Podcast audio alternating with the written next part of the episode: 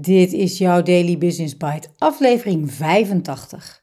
Patagonia Goes Purpose. Aarde als enige aandeelhouder. Door Matthijs van den Broek op marketingfacts.nl.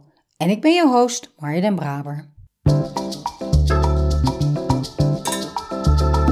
Je luistert naar Daily Business Bites met Marja den Braber waarin ze voor jou de beste artikelen over persoonlijke ontwikkeling en ondernemen selecteert en voorleest. Elke dag in minder dan 10 minuten.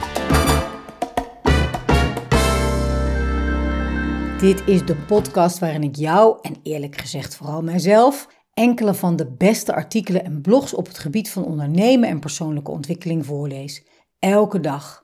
En omdat ik het teachen toch niet kan laten, mijmer ik wat over het onderwerp. Dus dank dat jij de moeite neemt om naar deze podcast te luisteren, om te groeien en jezelf te ontwikkelen. We twijfelden of we er nog wat mee moesten vandaag.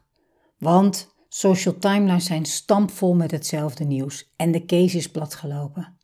Patagonia-oprichter die tent aan stichting overdoet om aarde te redden. We konden het toch niet laten, want marketing for good. Mooi merk ook. Outdoor-miljardair steekt zijn vermogen in een fonds voor klimaat en natuur, kopte de Volkskrant. Billionaire no more. Patagonia founder gives away the company is het interview in de New York Times waarin de oprichter van het outdoormerk het nieuws bekend maakt op woensdag 14 september 2022. Iedereen lyrisch. Knuffel outdoormerk Patagonia does it again. Kunnen we alleen maar handklappen? Patagonia-oprichter Yvon Chouinard brengt zijn aandelen onder in twee fondsen om de planeet te redden. Patagonia is niet beursgenoteerd, maar het bedrijf schijnt zelf aan te geven dat naar verwachting volgens deze constructie jaarlijks 100 miljoen euro aan dividend uitgekeerd gaat worden voor duurzame projecten.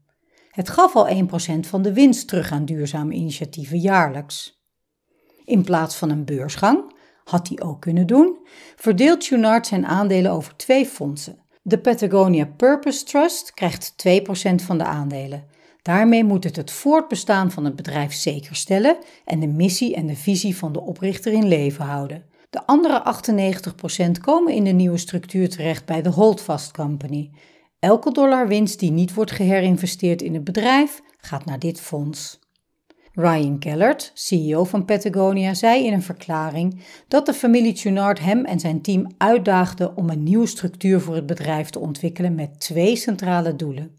Ze wilden dat we zowel het doel van het bedrijf beschermen en tegelijkertijd onmiddellijk en voortdurend meer geld zouden vrijmaken om de milieucrisis te bestrijden. We geloven dat deze nieuwe structuur beide resultaten oplevert en we hopen dat dit inspireert tot een nieuwe manier van zaken doen, waarbij mens en planeet op de eerste plaats komen. Patagonia Goes Purpose. De brief bij het nieuws. Er is dus een brief, die heb je vast nog niet gelezen, waarin Chouinard publiekelijk het idee en de overwegingen achter deze move uiteenzet. Interessant wat hij zegt en schrijft over purpose en over people, over het continueren van de missie. En dus over de afweging om die 3 miljard niet gewoon te cashen en te doneren, of, waar zoveel altijd zo wild van worden in de tech zien, public te gaan. Als de topman die ik nooit wilde zijn, lever ik mijn bijdrage. We maken de aarde onze enige aandeelhouder. Ik ben bloedserieus om de planeet te redden, zegt Junard. In het hierboven gelinkte Volkskrant-artikel zegt Patagonia-voorzitter Charles Con: bedrijven die het nieuwe model van kapitalisme omarmen, met diepe toewijding aan een hoger doel zullen niet alleen beloond worden met meer investeringen, betere werknemers en grotere klantentrouw, zij zijn de toekomst. Tja, ingewikkeld toch als je die Patagonia case bekijkt. Is het verkopen van outdoor kleding echt het allerbeste wat je kunt doen om de planeet te redden? Zou je niet eerder structurele oplossingen omarmen of vinden die direct de eerste nu, nu prangende wereldwijde gigaproblemen oplossen? Nog steeds schoon drinkwater, droogte, honger, oorlog, kloofarm en rijk.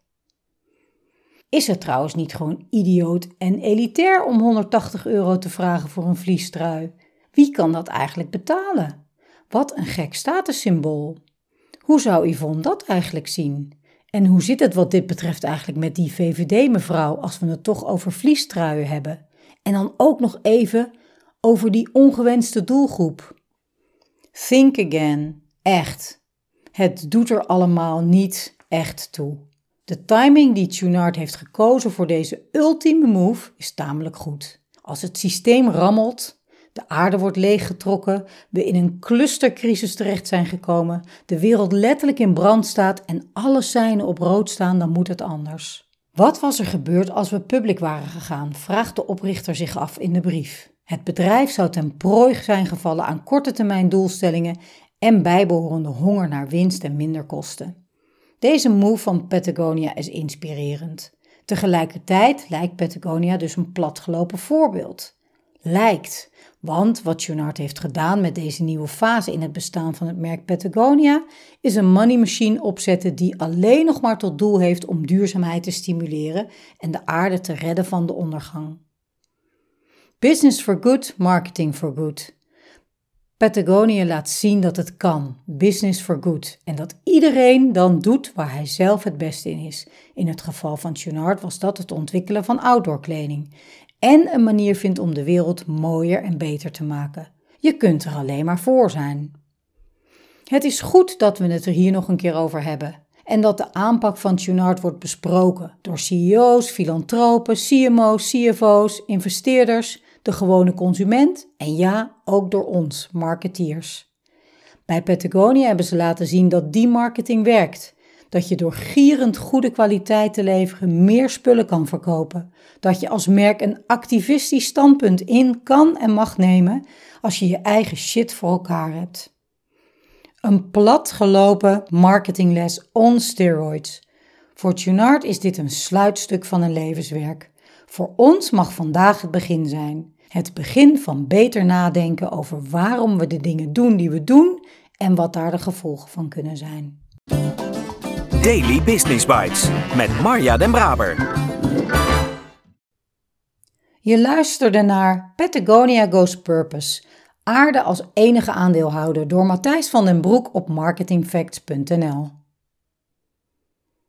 Er zijn zoveel dingen te vertellen over dit artikel en Patagonia, ook gezien de vele links die dit artikel bevat. Er was dus blijkbaar een VVD-mevrouw die op een campagneposter in Amsterdam een vest van Patagonia aan had bewust of gewoon van de kapstok gegrist. Een mismatch, het groene merk Patagonia en de VVD. Een interessante discussie op zich. Of de bankmannen die blijkbaar allemaal Chad en Brad heten en op Wall Street paraderen met een grijze bodywarmer van Patagonia. Totaal niet de doelgroep die Patagonia wil bereiken.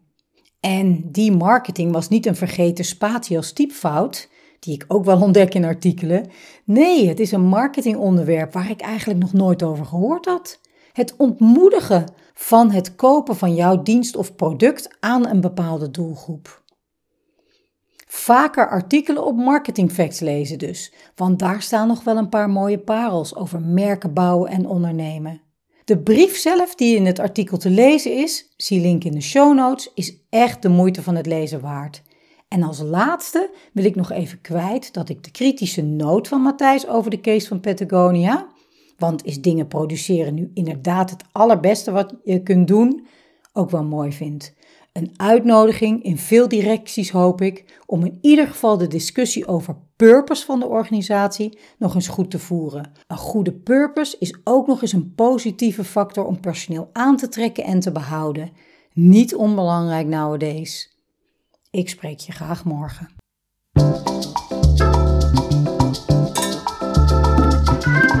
Was Daily Business Bites. Wil je vaker voorgelezen worden? Abonneer je dan op de podcast in je favoriete podcast-app. Meer weten? Klik op de links in de show notes.